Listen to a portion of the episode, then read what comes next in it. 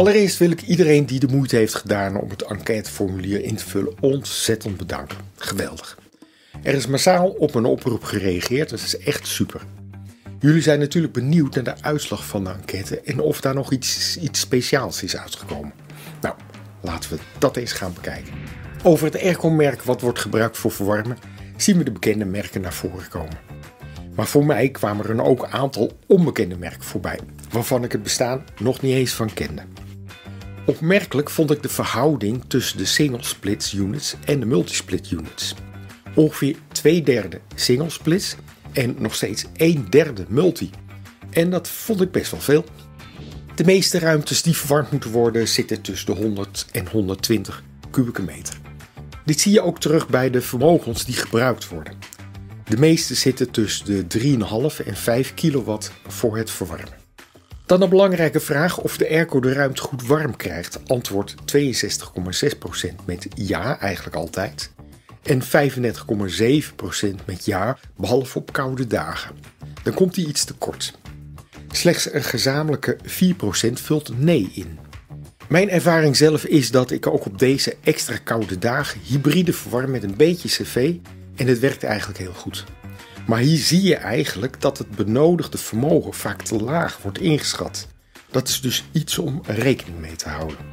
Bij de vraag hoe snel de ruimte verwarmd wordt, antwoordt ongeveer 94% binnen een uur, waarvan 57% de ruimte zelfs binnen een half uur verwarmd heeft gekregen. Slechts een 2,5% krijgt de ruimte niet goed warm. De meeste airco's hebben last bij koude dagen van dat ze in een ontdooistand gaan maar 12% heeft daar geen last van.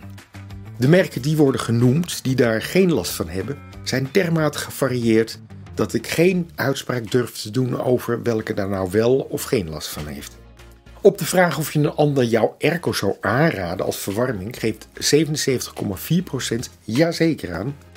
Ook hier zijn de merken enorm gevarieerd. Hier worden de merken genoemd als Mitsubishi, Daikin, Panasonic, Toshiba, LG, Haier, Fujitsu, maar ook Remco, TLC en Vaillant. Ook hier dus geen selectief gezelschap. Eigenlijk is het maar een hele kleine groep van rond de 7% die niet weten of ze hun airco-merk wel zouden aanraden. En zelfs hier vind je al deze diverse merken weer in terug. Er is dus niet één merk te noemen die altijd slecht of altijd heel goed scoort.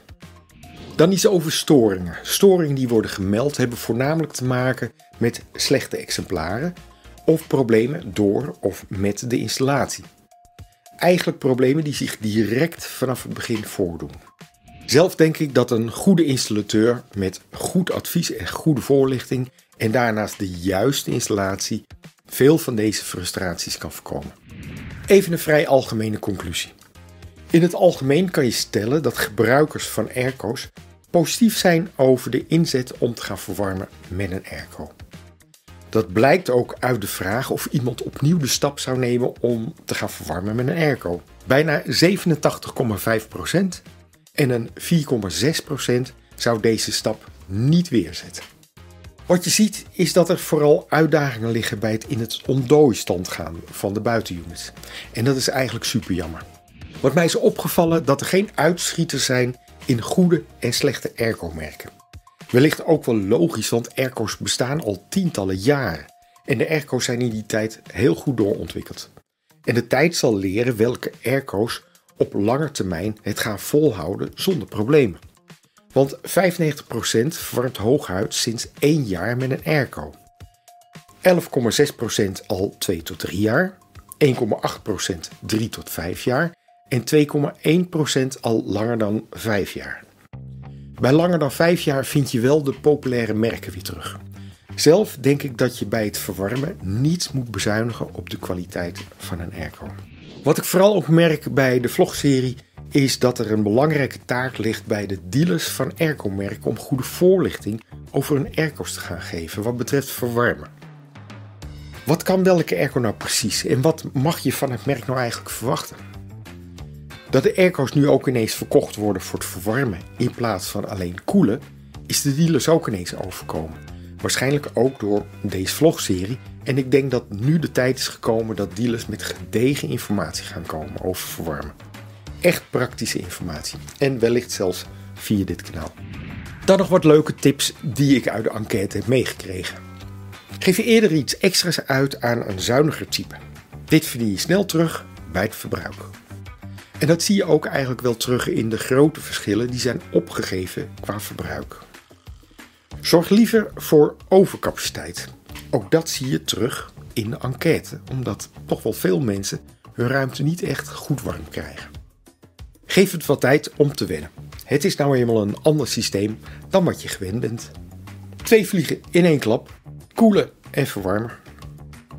Tot zover even de uitslagen van de enquête. Zoek je nog een gecertificeerde installateur bij jou in de buurt? Klik dan even op de link Zoek een installateur in de omschrijving van deze video. Voor degene die het nog niet heeft gedaan, abonneer je op mijn kanaal en van een duimpje word ik heel blij.